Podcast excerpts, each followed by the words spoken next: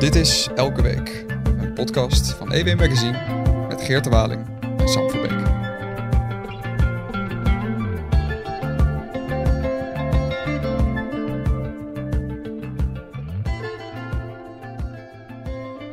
dag Geerte. Hi Sam, vanuit Berlijn. Een zonnig Berlijn. Goedemorgen. Ja, hoe is het daar in Berlijn? Nou, uh, heerlijk. Het is, er ligt een beetje sneeuw op de daken, maar als het zonnetje schijnt, dan uh, is het aangenaam toeven hier in Neukölln, of ik moet zeggen Kreuzkeulen. Dat ligt op de grens van Neukölln en Kreuzberg, voor de mensen die Berlijn kennen. Dat is een prachtig, prachtige oude buurt. En een van mijn twee oppaspoezen zit nu op dit moment in het zonnetje in het raam, maar zometeen gaat hij misschien op een roofpad. Dus als je iets raars hoort, dan is dat waarschijnlijk Boris of Becky, een van de twee. Alright, oké, oké. Nou ja, waar gaan we het deze week over hebben? Ja, seks en drugs. Dat is niet per se omdat ik in Berlijn zit. Uh, het is hier allemaal nog erg braaf. Maar uh, nee, het is uh, het thema wat wel deze week speelt. Uh, drugs, omdat wij in Elsevier deze week een mooi artikel hebben van Roos Verbrug. En die is ook bij ons. Welkom Roos. Dankjewel, hoi. Uh, je bent eigenlijk stagiair, maar in korte tijd uitgegroeid tot een onmisbaar onderdeel van de redactie. Met al meerdere interessante artikelen. En je bent ook al een keer in de podcast geweest. Toen hebben we het ook over het onderwerp gehad. En we, gaan, ja. en we hebben de belofte die wij toen hebben gedaan, gaan wij vandaag inlossen. Namelijk jou uh, uithoren en, uh, en jou laten vertellen over jouw artikel, wat, wat, nu dus in het blad verschijnt deze week. Over de normalisering van drugs onder vooral jongeren, eigenlijk ja, ja, klopt. Hebben we het zo meteen over, maar uh, drugs gaat niet, uh, gaat, is, is één thema, seks is een ander thema. Waar ik me dan deze week be mee bezig hield. Nou ja, althans, uh, in het publieke debat speelt het behoorlijk de discussie over de lentekriebels. Dat is, dat is niet wat je voelt als je in het zonnetje zit, zoals de, de, de kater waar ik nu op uitkijk. Maar het is, de lentekriebels zijn, is een lesprogramma op de basisschool. Eén keer per jaar wordt er een week lang aandacht besteedt aan, nou ja, laten we zeggen, lichamelijkheid, intimiteit. Um, en uh, wensen en grenzen, zoals ze dat een, een mooi noemen, pedagogisch verantwoord. Ach, heel goed. Um, en de, de, discussie is, en die leidt steeds vaker op, en deze week heel erg, moet je daar kinderen op de basisschool mee lastigvallen tussen aanhalingstekens, is dat wel goed? En uh, ja, daar heb ik een, mijn column over geschreven, ook deze week in EW e Magazine te lezen. Ja, want het, het column wordt heel erg duidelijk dat uh, de, ont, de onthutsing is een beetje aan alle kanten. Hè? Mensen die uh, juist een wat, uh, wat democratischer en vrijere opvoedingsstijl hebben, die zijn verbaasd over de verpreutsing. Ja. die, die kant leun je zelf op, ook al heb je zelf geen kinderen. Nee, dat misschien dat helpt, helpt het ook wel hoor, trouwens, dat ik geen kinderen heb. Dat is makkelijk, ja, dat is, dat is mak makkelijk. makkelijk. liberaal te blijven dan. ja. um, en, en juist aan de, aan de wat conservatievere Um, en wat voorzichtige kant is juist de onthutsing over het lesmateriaal van die lentekriebels. Ja, nou, ik weet niet hoe jullie erin staan, dat wil ik ook graag horen. Maar wat ik dacht, uh, uh, liberaal heb je wel een beetje gelijk in. Maar het is ook heel normaal, vind ik, om met kinderen daar toch op een bepaalde manier over te praten. En dat vinden ouders vaak ongemakkelijk. Je hebt ook kinderen uit verschillende culturen die naar scholen gaan. Uh, waar het allemaal misschien thuis minder makkelijk is om over seks te praten, dan is het misschien handig als je gemeenschappelijke deler hebt, dat iedereen op de basisschool op een bepaald moment en ook op de middelbare school af en toe met bepaalde uh, kennis wordt uh, ja, bijgespijkerd als het gaat om je eigen intimiteit en ook om je eigen grenzen aan te geven. Dat is tegenwoordig heel erg uh, ja, bonton natuurlijk vanwege al, al, het grensoverschrijdend gedrag, wat ook wel terecht vaak op de agenda staat. Nou, dat is goed om kinderen daar een beetje tegen te wapenen, weerbaar te maken.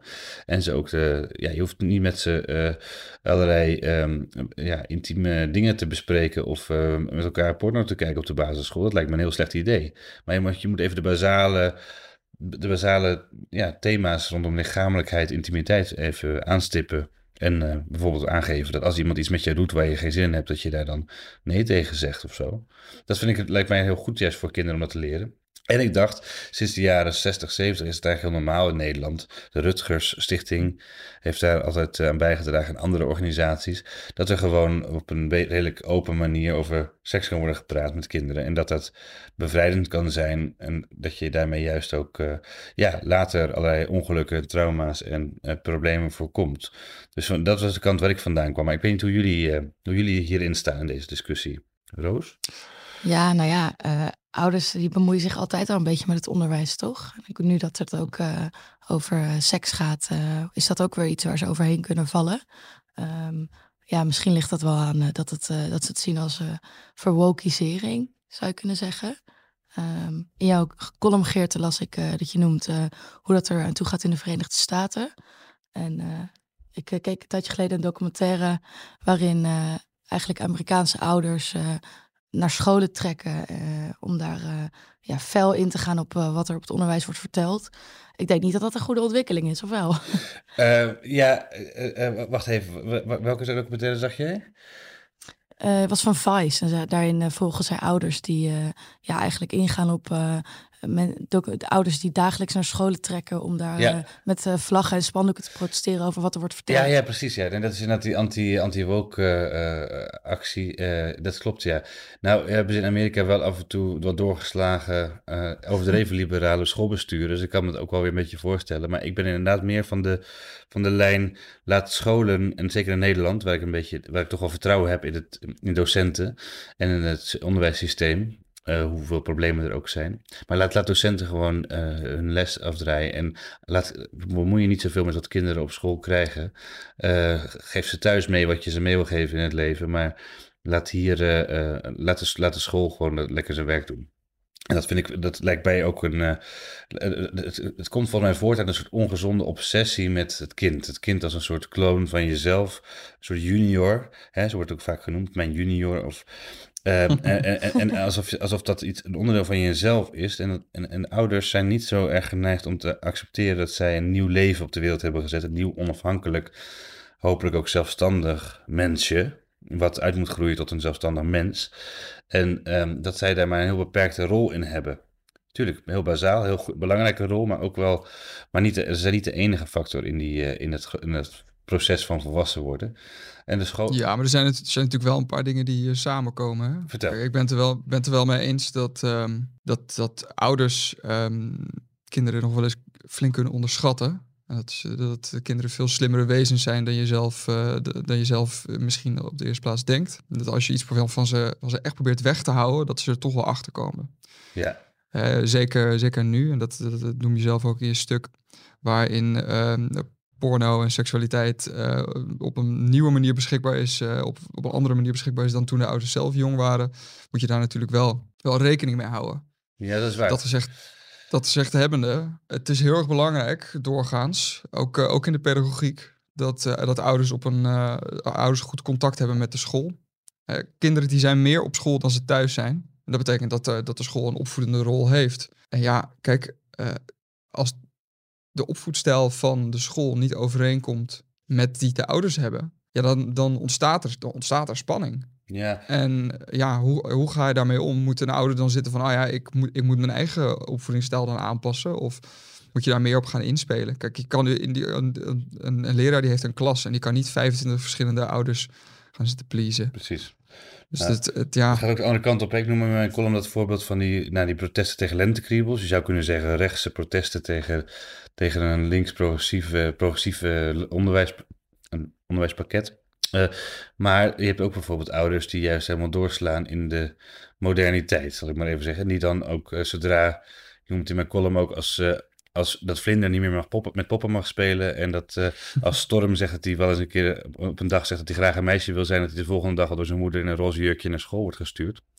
Uh, de overdreven acceptatie van, oh, uit angst om achterlijk te zijn, uh, geef ik mijn kind alle vrijheid om zich te ontplooien. En zijn de ouders eigenlijk teleurgesteld als het kind niet LHBTQIA plus is.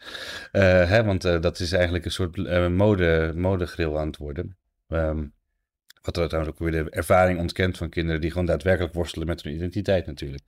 Maar dat ouders zo erg meegaan daarin dat ze eh, elk signaal denken, in, elke opmerking of in elke beweging van hun kind denken te zien dat ze, hun kind wel heel speciaal is. En um, dat is de andere kant van de zaak. En je hebt hem toch, noem ik ook even als voorbeeld, bijvoorbeeld islamitische ouders die uh, hun kinderen in Amsterdam in ieder geval uh, gebeurt dat, thuis laten op thuishouden op Paarse Vrijdag. Dat is een, eh, een, jaarlijks terugkerende dag in december waarop kinderen solidariteit met de LHBT'ers uh, tonen.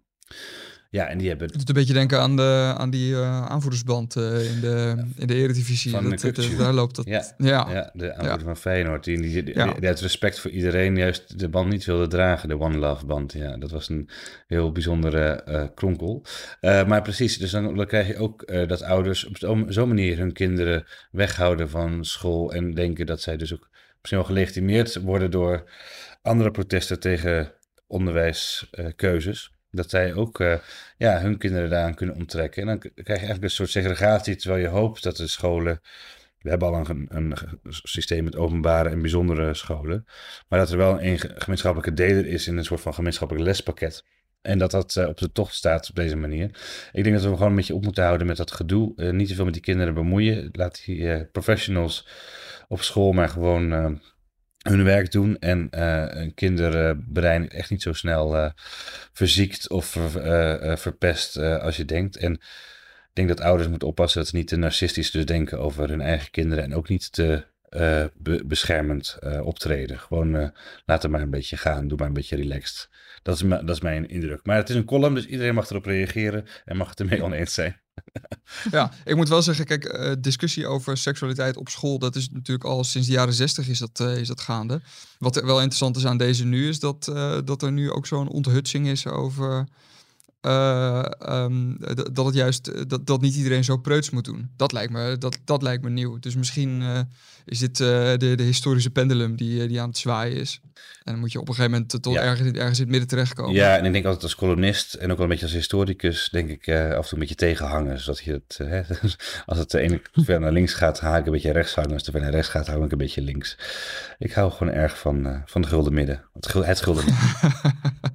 maar goed, om nog heel even kort op in te haken het, is ook echt niet zo dat iedere ouder die zijn best wil doen uh, en zijn kind uh, oké wil laten voelen, mocht het kind leunen naar laten uh, ABTI-seksualiteit, dan slaat ook echt zeker niet iedere ouder in door. Maar ik denk waar het er vooral in gaat, we leven nu in een samenleving waar er zoveel over wordt gepraat. En het wordt zoveel gezegd. Het zit zorg in onze, in heel veel bubbels, dat het bijna um, aan, aan, aanlokkelijk is om, om te denken dat misschien mijn kind ook wel. En dat je daarom misschien in kan doorslaan van hoe moet ik hiermee omgaan? Hoe moet ik zo acceptabel zijn en zo'n acceptabel milieu vormen voor mijn kind?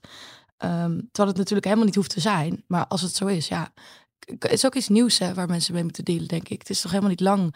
En als je kijkt naar de wet die uh, afgelopen week in Oeganda is doorgevoerd, dat het daar weer heel hard wordt verboden. We moeten in onze samenleving ons nog hier ontzettend op aanpassen. En aan de ene kant kunnen mensen daarin doorstaan. Ja, ik denk dat dat er ook bij hoort. Um, maar goed, zolang we kunnen mensen ook naar een andere school sturen. Je hebt ook vrije scholen in Nederland en islamitische basisscholen. Als je echt zo fel bent tegen het onderwijs dat er wordt gevoerd. FVD-scholen. FVD-scholen. Nou, dan moet je je kind naar een andere basisschool doen. En dan inderdaad please je uh, de ideologie die jij nahoudt. En nou ja, of dat een goed ding is, dat, dat is een andere discussie. Nou, dat is wel waar. Ja, nee, ik, denk, ik ben er wel voor dat, dat je daar een beetje keuze in houdt. Dat je inderdaad je kind uh, naar een school kan sturen waar je, waar je zelf je senang bij voelt. Maar um, het mag niet ik vind het toch dat het niet een verlengstuk moet zijn van de eigen opvoeding. Ik ben toch wel blij dat, als er, dat het een beetje botst, dat een kind op school andere dingen leert en andere visie leert. En eigenlijk een ideale situatie zou ik zijn toch wel voor een, als het goed zou werken hoor, maar voor een meer Frans systeem van algemeen onderwijs, uh, puur uh, laïek, hè? dus uh, de laïcité um, zou ik, te, maar goed, dat is een andere discussie. in dit geval heb jij helemaal gelijk en is het misschien ook wel goed als er debat over is, maar dan moet het even uit de sfeer, vind ik, van blijf met je poten van mijn kind af en zo. En daar, daar, dat, dat, dat, daar, daar word ik altijd een beetje kriegelig van. Dan denk ik, ja, dat, dat, dat is te gemakkelijk. Eh, er zijn geen docenten die proberen jouw kind te perverteren met seksuele praatjes of zo. Hè? Dat, zijn, dat is niet wat docenten doen als ze, als ze met lentekriebels dat pakket, pakket, lespakket bezig zijn. Nee, het begint met erover praten. Doen wij Misschien moeten wij ondertussen eens eventjes uh, even naar het volgende, volgende onderwerp. Het verhaal van de week wel, vind ik hoor. Uh, en een verhaal van het, van het jaar en van misschien wel van het decennium. Um, ja, Roos. Ja, nee, ik bedoel, het, jouw artikel is ook heel mooi geschreven. Maar het onderwerp uh, ja, is natuurlijk een, iets wat, wat, wat iedereen om zich heen ziet en hoort. de normalisering eigenlijk van het harddrugsgebruik in, onder ja, jongeren, maar eigenlijk in, überhaupt. Um, ja. En in Nederland en ook in Berlijn. Want uh, ondertussen klinkt het alsof uh, bij jou daar de, de, kook met een drillboor wordt versneden. Ja, ik, ik weet niet precies wat ze aan het doen zijn. Of, of ze hebben een martelkamer neergezet. Um, omdat er, ook heel Berlijns. Naar een, rip, een rip deal, dat zou kunnen. Nou, ik, weet niet, ik weet niet precies hoe wijd verspreid eigenlijk drugs in Berlijn is. Het is natuurlijk het cliché van de clubs, uh, clubscene. En er zijn uh, zeker wel zichtbaar ook wat uh, verslaafden op straat en zo. Maar ik heb het idee dat eigenlijk de normalisering van het gebruik, grappig genoeg, in de in, in Amsterdam, in Rotterdam en de rest van Nederland eigenlijk veel groter is dan in Berlijn. Dat is zomaar een gokje hoor. Heb jij een idee, Roos? Nou ja, ik denk, uh, wat ik eigenlijk in mijn artikel uh, veel heb besproken, is dat het tijd is om het even op tafel te leggen hoe het nou ervoor staat in Nederland. aan de ene kant zie je dat het in bepaalde bubbels, dus in bepaalde culturen, zoals studentenculturen, nou ja, uitgaansculturen, echt, echt nachtclubs, dat daarin drugs echt ja, genormaliseerd is. Um, en ik trek in mijn artikel eigenlijk een, een verhouding die de, de criminaliteit in Nederland, het criminele circuit daarmee heeft. Je ziet de grote drugscriminaliteit um, vanuit de havens bijvoorbeeld en hoe dat zich doorvoert in het land.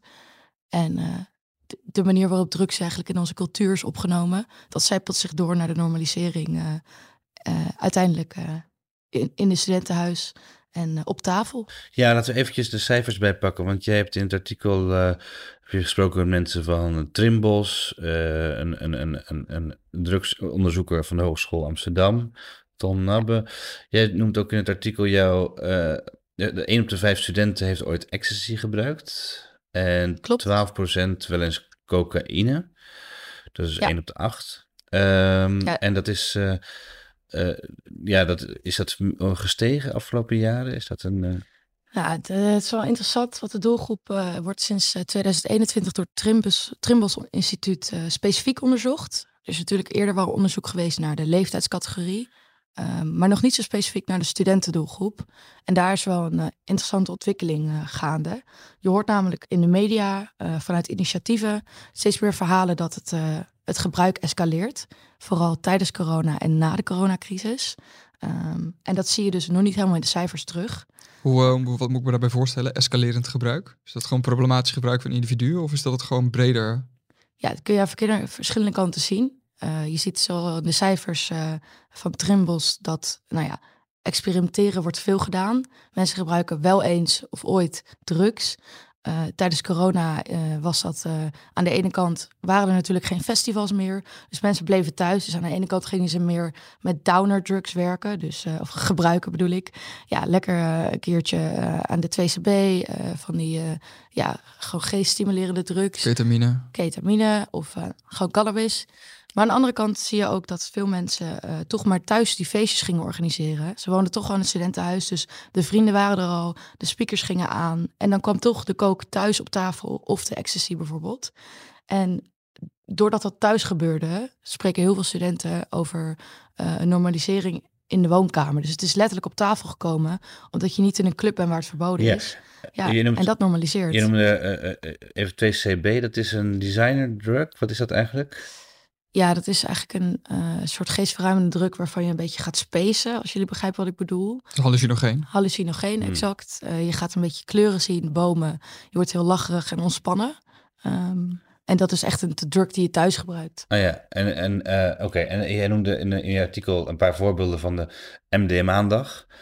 Uh, wat, wat, was het ook weer? Een, uh, een, die Donderdag nakdag. Donderdag nakdag. Een nakkie, een nakkie nemen. Je hebt ook een, een, woordenlijst, een verklarende woordenlijst opgenomen in je artikel.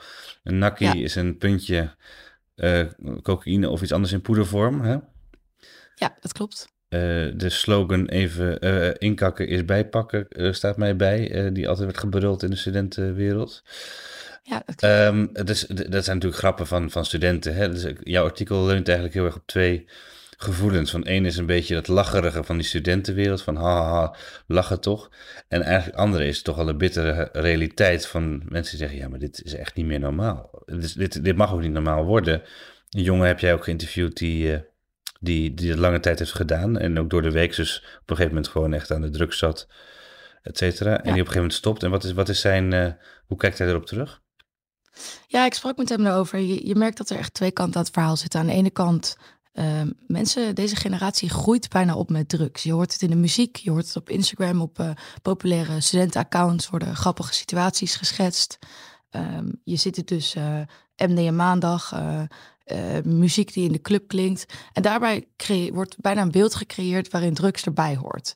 Nou, ze zei, je bent in een leeftijd, een studentenleeftijd, dat deze Tom ook, waarin het heel makkelijk is om te experimenteren. En je bent in een fase dat je jezelf weer leren kennen. Nou, daar hoort nou eenmaal, horen nou eenmaal middelen bij. Uh, maar aan de andere kant, wat er steeds meer wordt verteld, is dat de, de verhouding die drugs heeft met criminaliteit, dat is ook een deel van het verhaal. Ehm, en elke keer dat jij een zakje kook bestelt, of ook eh, wanneer je een pilletje haalt uh, bij de dealer, uh, stimuleer jij en hou je die criminele onderwereld in stand. En de Tom die ik sprak, vertelde dat hij ja, eerst eigenlijk totaal daar niet mee bezig was. Maar met steeds meer verhalen die er in het nieuws komen, bijvoorbeeld over de moord op Peter R. de Vries en zijn verhouding met de mokromafia. Daarin ja, komt toch ook het verhaal dat dat erbij hoort. En dat komt nu steeds meer boven tafel, maar dat heeft wel een tijdje geduurd. En ik, ik zou straks ook nog uh, eventjes met je door willen praten over de criminaliteit die erachter zit. Maar um, ook over een beetje de, de zeitgeist of de levenswereld van de, van de studenten die je gesproken hebt. En ook um, de mensen van het Trimbos Instituut. Daar, daar hing ook een hele levensstijl bij. Dus uh, van het door de week hard werken. En dan in het, in het weekend als daar ontspannen. En daar kwam de term uh, agenda-hedonisme viel daar. Kan je daar iets meer over vertellen?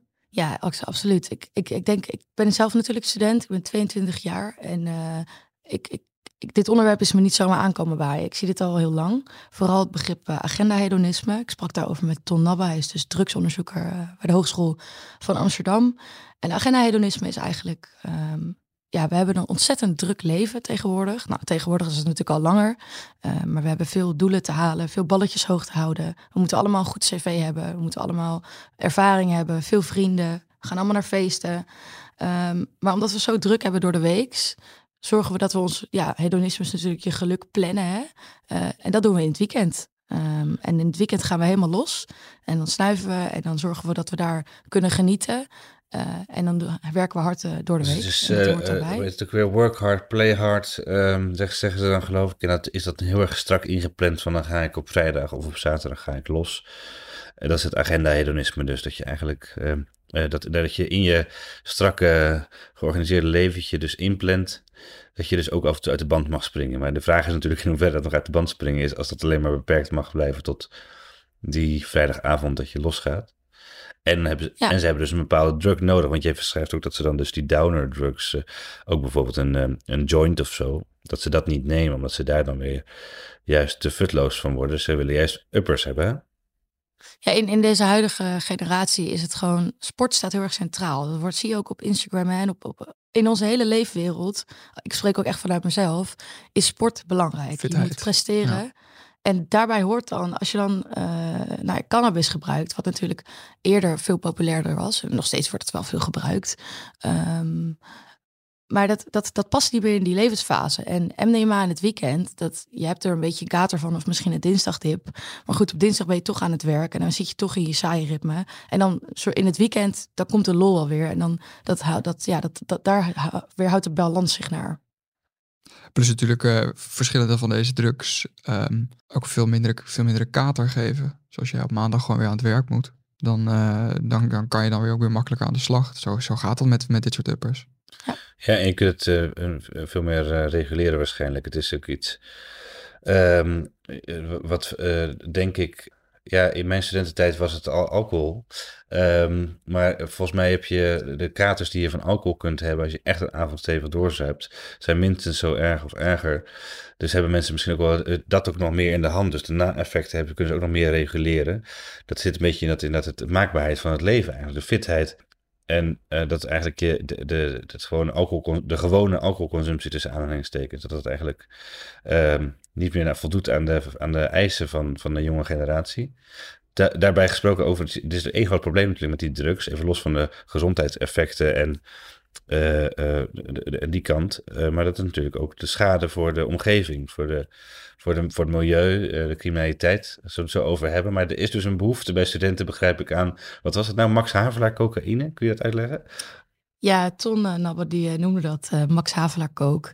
Kijk, er is natuurlijk een beetje... Een, het zitten weer ook twee kanten uit dit verhaal. We, zijn ontzettend bezig met vegetarisch eten en duurzame kleding kopen. Um, mensen gaan toch minder fast fashion shoppen en biologisch vlees of helemaal geen vlees. Nou, geen koemelk meer.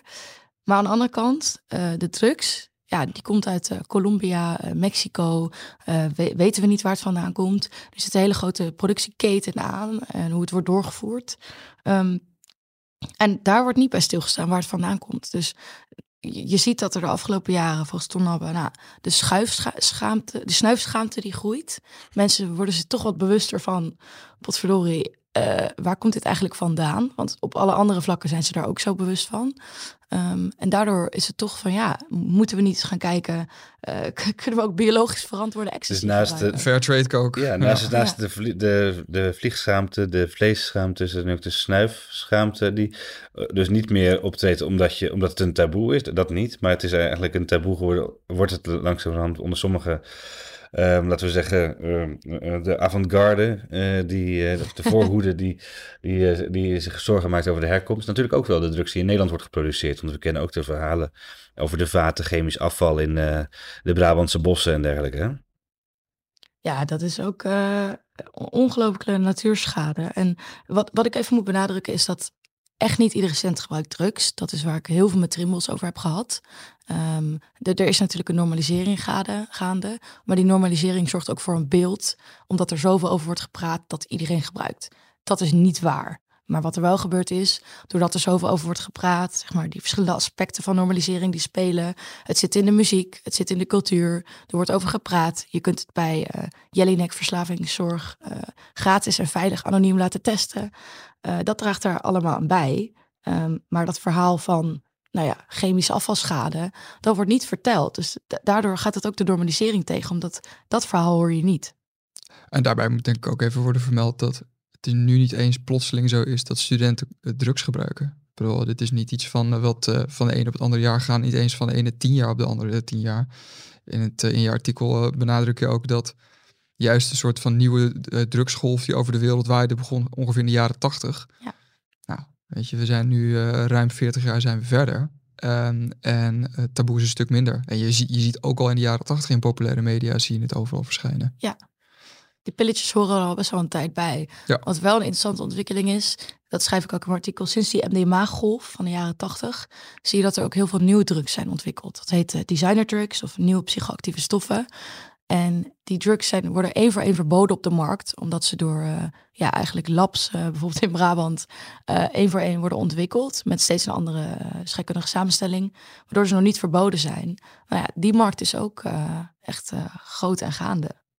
Ja, en dat betekent dus ook eigenlijk dat uh, er wordt steeds een kat-en-muisspel gespeeld hè, tussen de overheid en, de, en die producenten, die dan weer uh, inderdaad net een iets andere formule maken. Maar daar, daarmee is er ook continu een, een, een zorg, dreigend risico voor grote schade aan de gezondheid. We weten niet wat het op lange termijn met mensen doet. Um, Van lachgas, uh, hè, ook nog een heel populaire uh, druk. Volgens mij ook veel meer, ook buiten de studentenwereld, onder jongeren, echt een heel erg. Uh, je ziet al die patronen liggen op straat en zo. Um, dat is ook iets wat waarvan de schade echt wel langzamerhand duidelijk wordt. Maar waarvan ook de omvang en ook het verbieden ervan eigenlijk heel lastig is. het wordt nu geloof ik langzaam aan banden gelegd. Maar er stonden gewoon natuurlijk bakfietsen. Ik heb ze ook wel eens zien staan op het Leidseplein. Ja. Er stonden gewoon bij uitgaansgelegenheden bakfietsen buiten met grote gasflessen, lachgas. En dan kon je daar een ballonnetje kopen voor een euro of weet ik veel wat. Dat was gewoon normaal. Uh, is dat dan een beetje aan banden gelegd inmiddels? Of? Nou ja, je ziet met lachgas wel een hele interessante ontwikkeling gaande. Want ik denk in 2019, 20 begon dat verhaal echt op tafel te komen van lachgas is ontzettend gevaarlijk. Omdat het je zenuwcellen eigenlijk, uh, uh, je krijgt geen zuurstof in je hersenen. En uh, in één grote klap is dat best wel hard afgenomen. Ik denk door de grote, ja, hoeveel erop gehamerd is, hoe gevaarlijk het is. En de kleine meerwaarde die de drug, zeg maar, biedt. Want je bent ongeveer 10 seconden even weg. En dan, ja, ik denk dat je het best kan beschrijven als je spaced even uit. Zeg maar, je bent even in een andere wereld. En daarna ben je weer terug. Maar wat, uh, daar heb ik het ook met Jellyneck uh, over gehad. Het is bijna je eigen dood simuleren, Ja, het is, het is echt, je hoort ook echt schokkende verhalen over mensen die daar verslaafd aan zijn. Um, maar dat is toch afgenomen. En dat geeft toch het signaal dat, nou ja, mensen luisteren toch wel een beetje. Um, want het uh, lachen is enigszins afgenomen in de cijfers. Maar goed, dat uh, Nog even over, over de andere drugs helaas niet. Heel verslaafd. Uh, heeft verslaving in heel veel vormen, hè, lichamelijk en psychisch. En, hoe zit dat eigenlijk met... Um, de, de, de, de vorm van verslaving nu op dit moment eigenlijk? Want zijn al die, die, bijvoorbeeld die studenten, maar we kennen ook het cliché van de snuifas, de Zuidas, waar uh, in Amsterdam, waar alle hè, grote advocatenkantoren staan en zo, dat, waar, waar naar verluid kilo's cocaïne per dag doorheen gaan. Um, Dat, noemen ze ook wel hoog functionerende of high functioning addicts, geloof ik. Hè? Uh, dat je wel dus gewoon presteert, maar dat je intussen eigenlijk uh, ja, verslaafd bent aan verdovende middelen. Is daar, heb je daar nog iets over ontdekt in jouw zoektocht? Ja, ik heb het wel meegenomen. Want ik, weet je, dat, de, deze drugsontwikkeling die, die is natuurlijk niet alleen onder studenten. Uh, Tonnauwe die zei hierover dat eigenlijk dat beeld dat er bestaat over die snuifels en over die, uh, die high, uh, high pressure of ja, mensen die op zo'n hoge druk werken. Ja. Hoog performing of zo, of in ieder geval de mensen die veel, veel presteren en eigenlijk dus heel andere verslavingsbeeld laten zien dan de bekende heroïneverslaafde van vroeger in de straat, weet je wel? Volgens Nabbe valt het dus wel mee. En uh, ik had het ook met Jelinek over hoe zit het met de opnames. Zien jullie daar iets van, een effect in?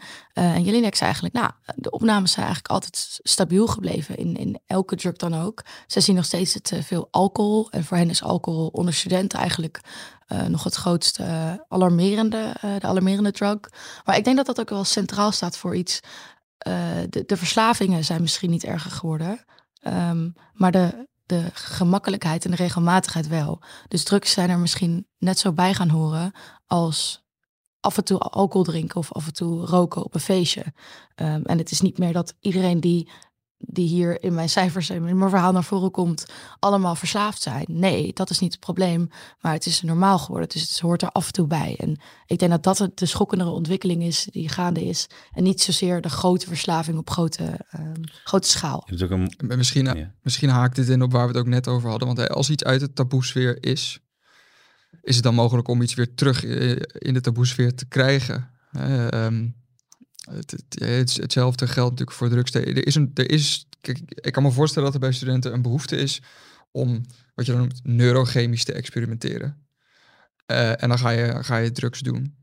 Uh, maar als je ziet dat dat dan doorgaat, bijvoorbeeld tot in die Zuid, als waar het gewoon een uh, ja, normaalste zaak van de, van de dag wordt, is, het dan, is het dan überhaupt wel mogelijk om, om zoiets, zoiets weer terug in een taboesfeer te krijgen? Ook met, met voorlichting als van, weet je wel, wat er allemaal gebeurt in die vreselijke wereld en de, milieuvervuilingen? Nou, ik denk het niet. Ik denk ook dat dat een reden is dat, heel voor, dat voor heel veel jongeren uh, dat, dat, ze blijven gebruiken. Omdat veel jongeren die ik sprak, uh, die zeiden, Joris, jongen die ik sprak, uh, die zei, ja, ik weet dat, dat de war on drugs, dat heeft toch geen zin, dat is toch al lang verloren. En um, wat hij daarbij zei was, dat het helemaal geen zin heeft, het huidige beleid. Hij zegt, ze moeten het lekker gaan legaliseren. Maar zolang dat niet gebeurt, blijf ik gebruiken. Uh, en weet je, dat narratief, dat, dat speelt ook onder heel veel studenten. Hij is wel tekenend, want als, ook al zou hij ermee stoppen, dan is de, de, de bredere behoefte is natuurlijk niet verdwenen. Ja, dat, houdt eigenlijk alles in stand. Ja. En, en het is een bredere cultuur van normalisering. Is, ik denk dat het heel lastig is tegen te gaan. Hè? Want de, je kunt wel zeggen moralistisch uh, je weet wat je doet en uh, je weet waar je aan bijdraagt en liquidaties. Maar het staat toch ver van mensen af. Ze voelen zich niet om, om één gram of één pil of wat dan ook, voelen ze zich niet meteen verantwoordelijk voor dat hele, hele problematiek. Um, ik heb ook een, eh, een jongen in mijn omgeving die zei een keer, hebben we een discussie over gehad. En die zei: Ja, ik vind eigenlijk dat, dat, dat, dat, dat de overheid maar het gewoon moet zorgen dat het van verboden wordt. Of ja, het is verboden, maar het wordt getolereerd min of meer. Het is zo makkelijk om te gebruiken. Reguleer het dan of verbied het. En uh, grijp er maar in. Dus eigenlijk een beetje de verantwoordelijkheid voor je afschuiven. Nou, ik, ik vond eigenlijk misschien wel mooi jouw laatste zin van je artikel. Roos, dan schrijf je: gebruikers snuiven de maatschappelijke problemen voor zich uit. Dus niet schrijven, maar snuiven.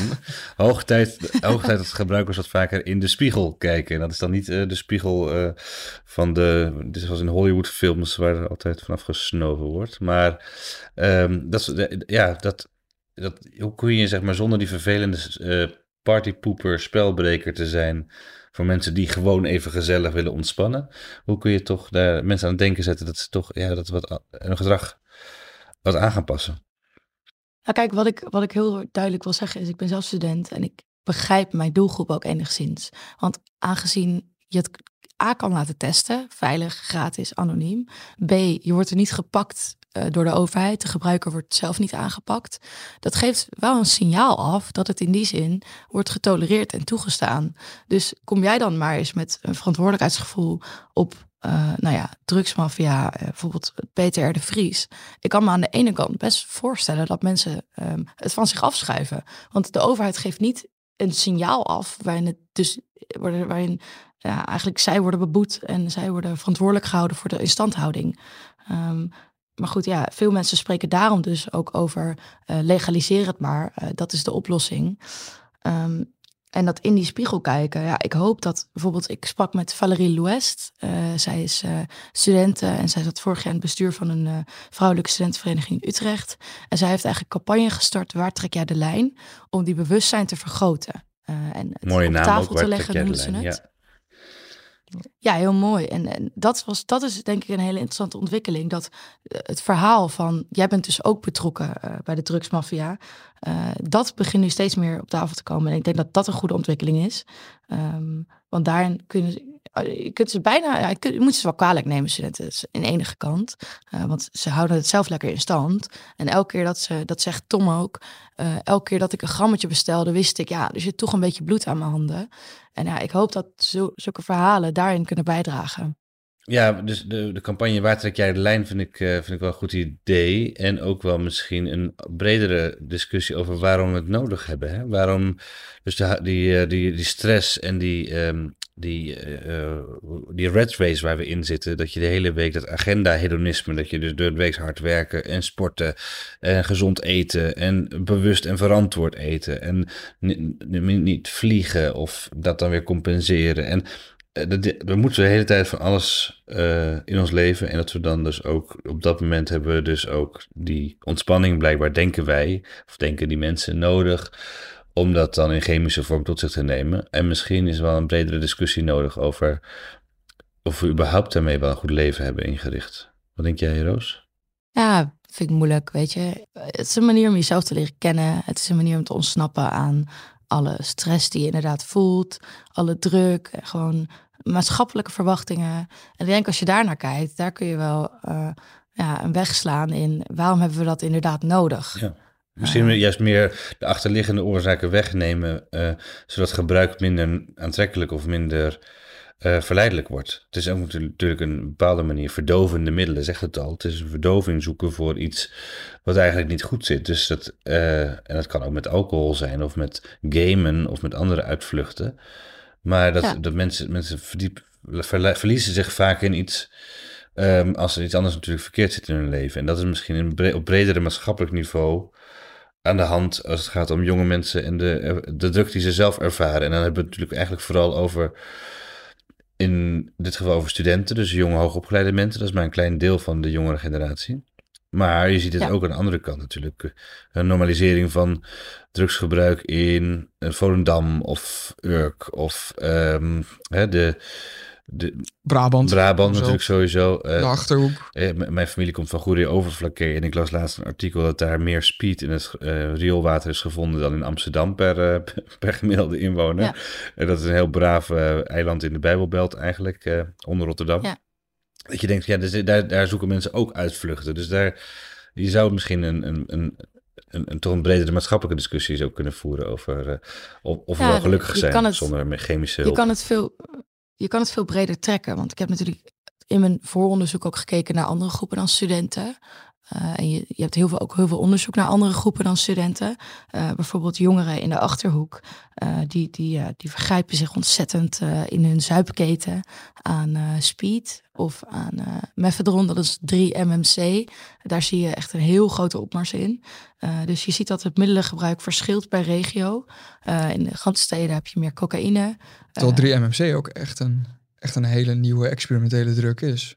3-MMC is pas eh, volgens mij twee jaar op de markt. Ja. Eh, en het voorloper daarvan is te is vroeg 4 bij. MMC. Dus eigenlijk een combinatiedruk, eh, een soort van cocaïne, ecstasy gevoel, speed. Eigenlijk alles in één. En eh eh, werkt echt ontzettend verslavend. Ja, als het er is, dan wordt het gebruikt, denk ik. Speed is ook wat goedkoper. Hè? Wordt, eh, in, de, in, in de stad wordt het wel spottend de boerenkook genoemd.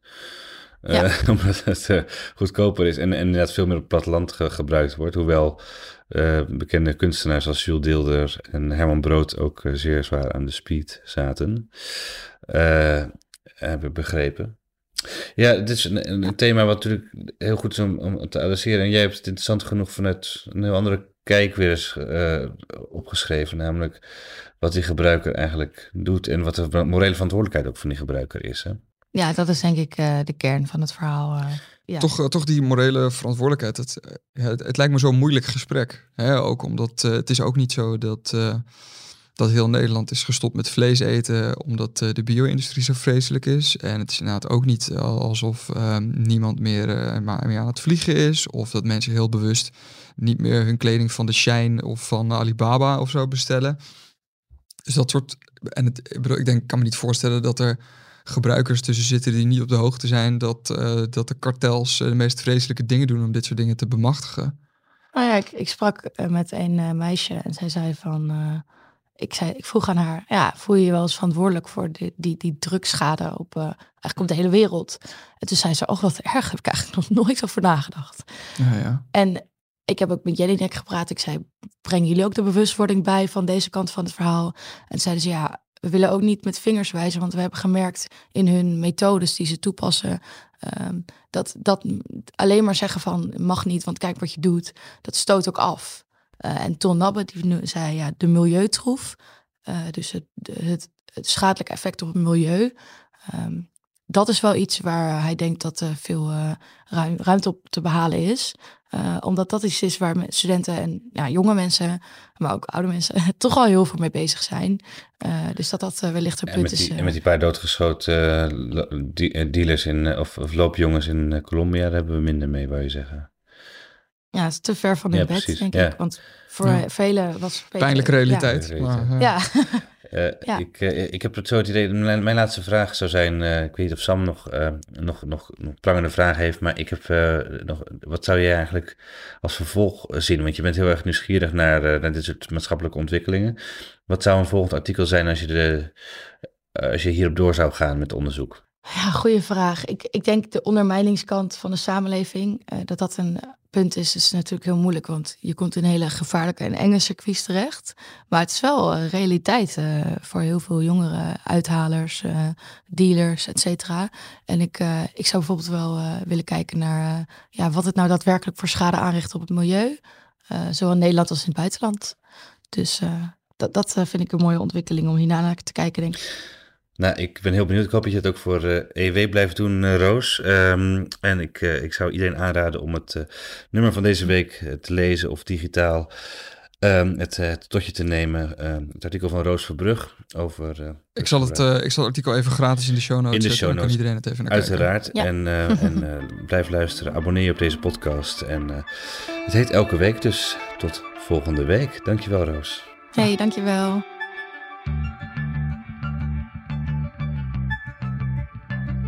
Dit was Elke Week, een podcast van EW Magazine met Geert de Waling en mij, Sam Verbeek. Zoals elke week kan je de besproken artikelen ook vinden in onze show notes. Voor dit een leuke podcast, abonneer je dan en laat een leuke review achter. Heb je vragen of opmerkingen? Geert kan je op Twitter vinden onder Geert Waling. Ik ben op Twitter te vinden onder SamWV. Je mag me natuurlijk ook mailen naar sam.verbeek.ewmagazine.nl Dank voor het luisteren naar Elke Week. Tot volgende